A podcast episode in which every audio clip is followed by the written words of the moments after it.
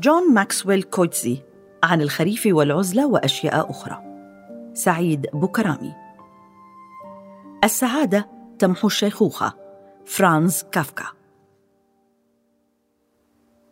منذ سنوات والروائي الجنوب أفريقي جون ماكسويل كويتزي الحاصل على جائزة نوبل عام 2003 ينوع في أساليبه السردية التي بدأت برواياته العظيمة في انتظار البرابرة أو عصر مايكل كي وحياته أو خزي لكنه في السنوات الأخيرة اقتصرت كتابته على جنسي المذكرات والمراسلات والقصة القصيرة مبديا عزوفا واضحا عن كتابة الرواية.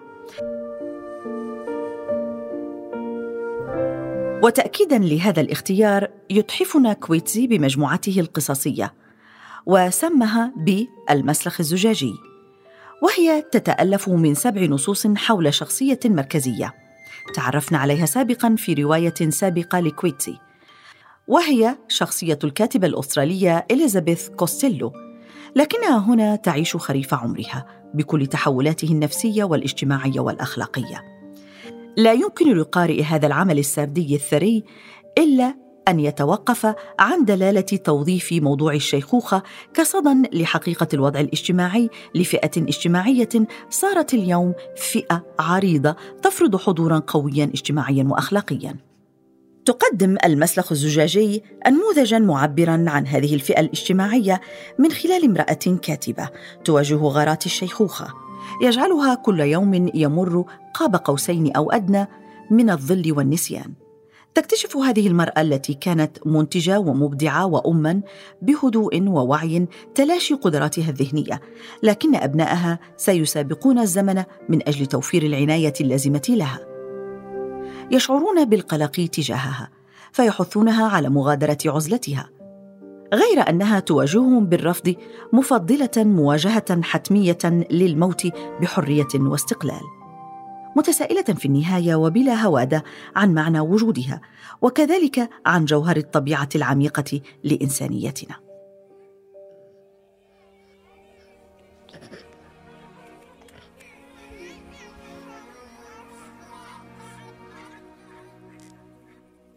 في هذا المقام تشبه البطلة الكاتبة الفرنسية ناتالي ساروت وتجربتها الإبداعية والوجودية. يضاعف كويتسي الجمل الاستفهامية التي تمنح شخصيته طابعها المتشكك والاستفهامي وإلحاحها على مواجهة تعقيدات الحياة بسخرية عارمة وإيقاعها المؤلم الشبيه بسير بطيء وراء جنازة في يوم غائم. واذا نحن هنا أمام متن سردي مترابط ومستقل في الآن نفسه يشبه في تركيبه قطع البازل تحتاج منا كي نخلصها من حالة التفكك واللامعنى إلى جهد قرائي وتحليلي لعلها تنتقل إلى حالة التركيب والمعنى ولن يتجلى هذا المعنى إلا في ظل الحياة والذكريات والأفول التدريجي نحو نهاية الحياة التي تظهر مؤشراتها على الشخصية بحيث يبدأ وضعها الصحي في التدهور لكنها ترفض التخلي عن منزلها على الرغم من ضغوط أبنائها. وهنا تبرز مهارة كويتسي في التعامل مع موضوعات معقدة بأناقته اللغوية وتعلقه المعتاد بتحليل الجوانب الإنسانية المعتمة مثل العلاقات الأسرية والشعور بالذنب ومعاناة الحيوانات والشيخوخة بالكثير من العمق الأدبي والفلسفي.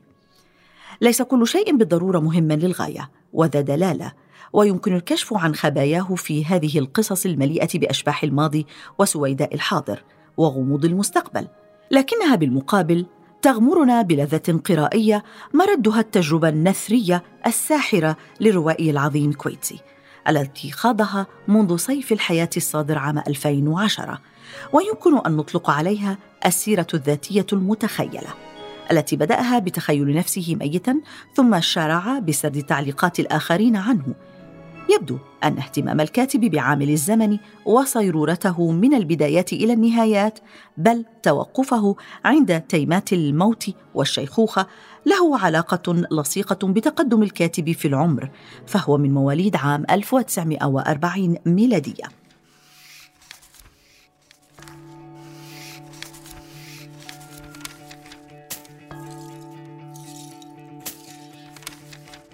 يذهب المسلخ الزجاجي إلى أبعد من ذلك لأن الكتاب ليس سبعة نصوص قديمة أو جديدة فقط كتبت بين عامي 2003 و2017 ولكن كويتسي يعثر أيضا على سيدة خياله المزدوج وقرينته الأبدية ككاتب إنها الكاتبة الأسترالية الشهيرة إليزابيث كوستيلو التي أفرد لها فيما مضى رواية كاملة وعالما تخيليا قائما بذاته.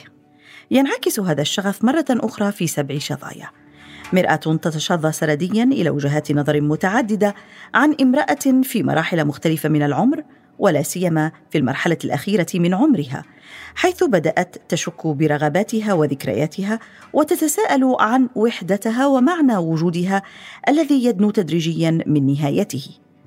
تقول إليزابيث لأبنائها الذين ربما يرغبون بإقناعها بالتخلي عن حياتها النهائية والمنعزلة والدخول إلى دار المسنين ربما يتعلق الأمر بحكاية ستنتهي دون أن نعرف إلى أين سنذهب.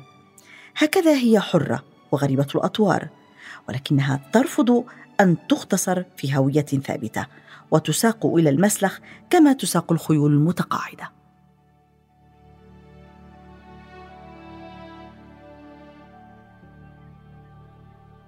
يأخذنا الكاتب إلى عوالمه المفضلة من خلال البدء بثلاث قصص قصيرة عن ثلاث مشاعر هي الخوف والرغبة والتلاشي لشخصية تتقدم في الشيخوخة. هذه المشاعر يمنحها الكاتب للمرأة ويرصد تجلياتها العميقة في حياة الشخصيات ومن خلال تمرير منمنمة من الكلمات والأفكار. ثم نصل إلى جوهر التيمه في القصة الرابعة. امرأة تتقدم في العمر حيث تأخذ الشخصية اسما دالا وهو كما قلنا إليزابيث كوستيلو التي تبلغ الثانية والسبعين سنة. نسمعها تتحدث مع أبنائها وواضح أن سوء فهم صارخ يتجلى من علاقتهم فتصبح حجة كل طرف من الأطراف مقبولة. لكننا لسنا أحرارا في النهاية أمام شرط الحياة وهنا تتسع الفجوة هل من حق الأبناء أن يختاروا ويقرروا بدل الآباء؟ ومن يمنحهم الحق في أن يتحولوا من أبناء لآبائهم وأمهاتهم؟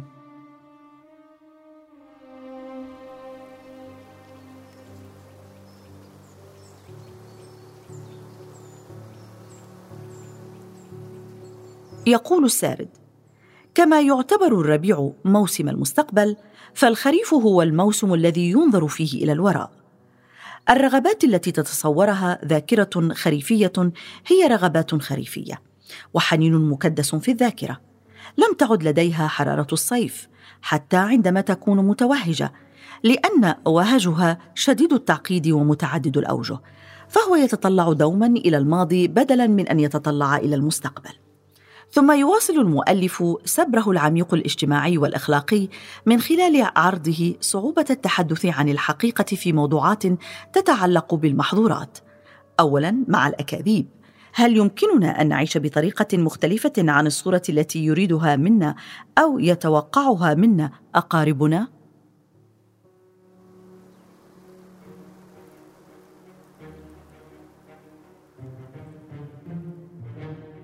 الأمر شبيه بالوقوف أمام مرآة الحقيقة التي ستكشف حقيقتنا داخل الأسرة.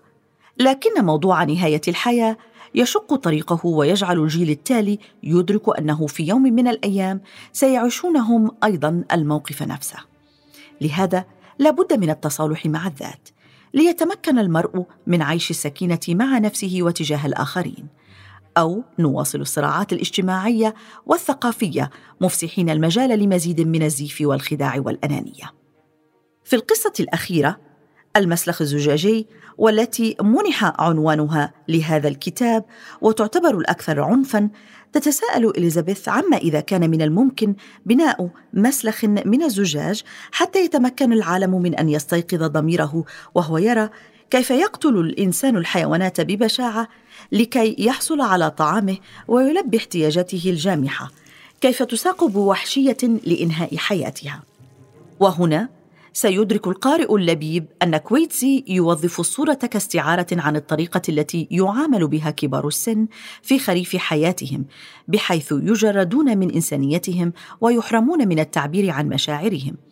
ورغم تواجد مؤسسات تستقبلهم فإن الأمر لا يعدو نوعا من البحث عن طمأنينة مصطنعة بالنسبة للأسرة والمجتمع. ربما قد تخفف من الشعور بتأنيب الضمير.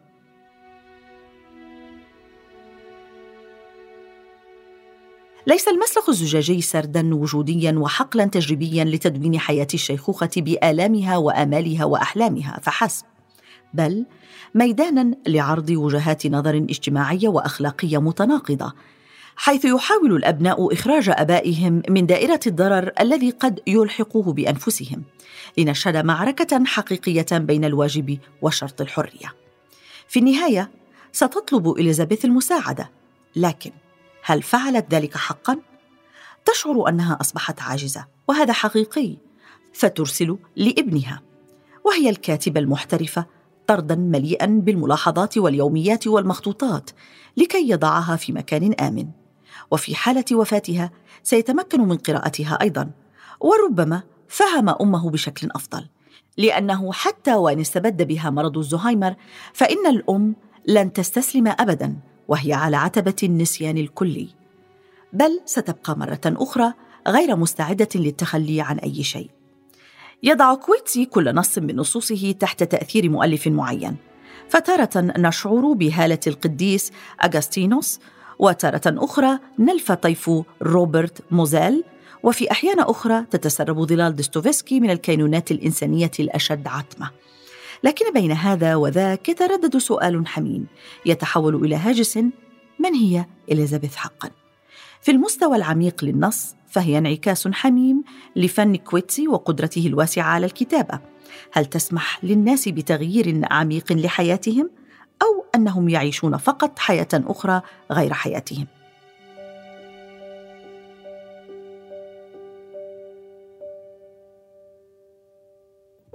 في الأخير لابد من التذكير بأن قصص كويتسي تتناول ثيمة الشيخوخة كوضع اجتماعي معقد في المجتمعات المعاصرة. لكن لا ننسى أن ثيمة الشيخوخة سبق تداولها في المتون الأدبية السابقة سواء القديمة أو المعاصرة. نذكر على سبيل المثال لا الحصر فيكتور هيغو أوجين لابيش ألكسندر دوما فيكتوريان ساردو هنري بيكي جورج كورتلاين وأوجين بريوكس وغيرهم. فقد مر استثمار الثيمة من خلال صيرورة تاريخية طويلة. أصبحت الشيخوخة كمجموعة عمرية ومجموعة اجتماعية تمثل نظاما من القيم والتمثيلات. وتعد مرحلة مختلفة من الحياة لها خصائصها المميزة. من بينها الاستعداد للموت والنضال من أجل الحياة.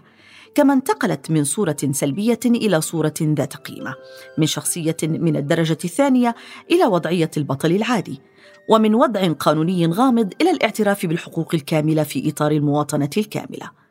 لقد تغير تمثيل الشيخوخة في الأدب والمجتمع، من الشيخوخة الخبرة والحكمة إلى الشيخوخة البؤس والموت. ولكن أيضا من خلال الأفكار الأخلاقية المتعلقة بمكاسب المرأة المعاصرة على وجه الخصوص التي يعتقد المحيط الأسري أنها بحاجة إلى الرعاية الاجتماعية. وأخيرا هناك قطيعة جوهرية في مفهوم الشيخوخه ذاته حيث إن النطاق العمري يتفاوت من حيث المستويات العمرية على مستوى الحياة والرعاية المرتبطة بشكل خاص بصحة أو حق المسنين في اختيار طرق حياتهم بحرية وعدالة. يمرر كويتسي خطابا اخلاقيا يدعونا إلى ضرورة النظر إلى المسنين الآن كمواطنين كاملين وليس تكريسا للهوية الاجتماعية الجديدة التي يجب البحث عنها في المحور التدريجي للخصائص والقوالب النمطية التي تم بناؤها أو التعاقد عليها إلى حد ما.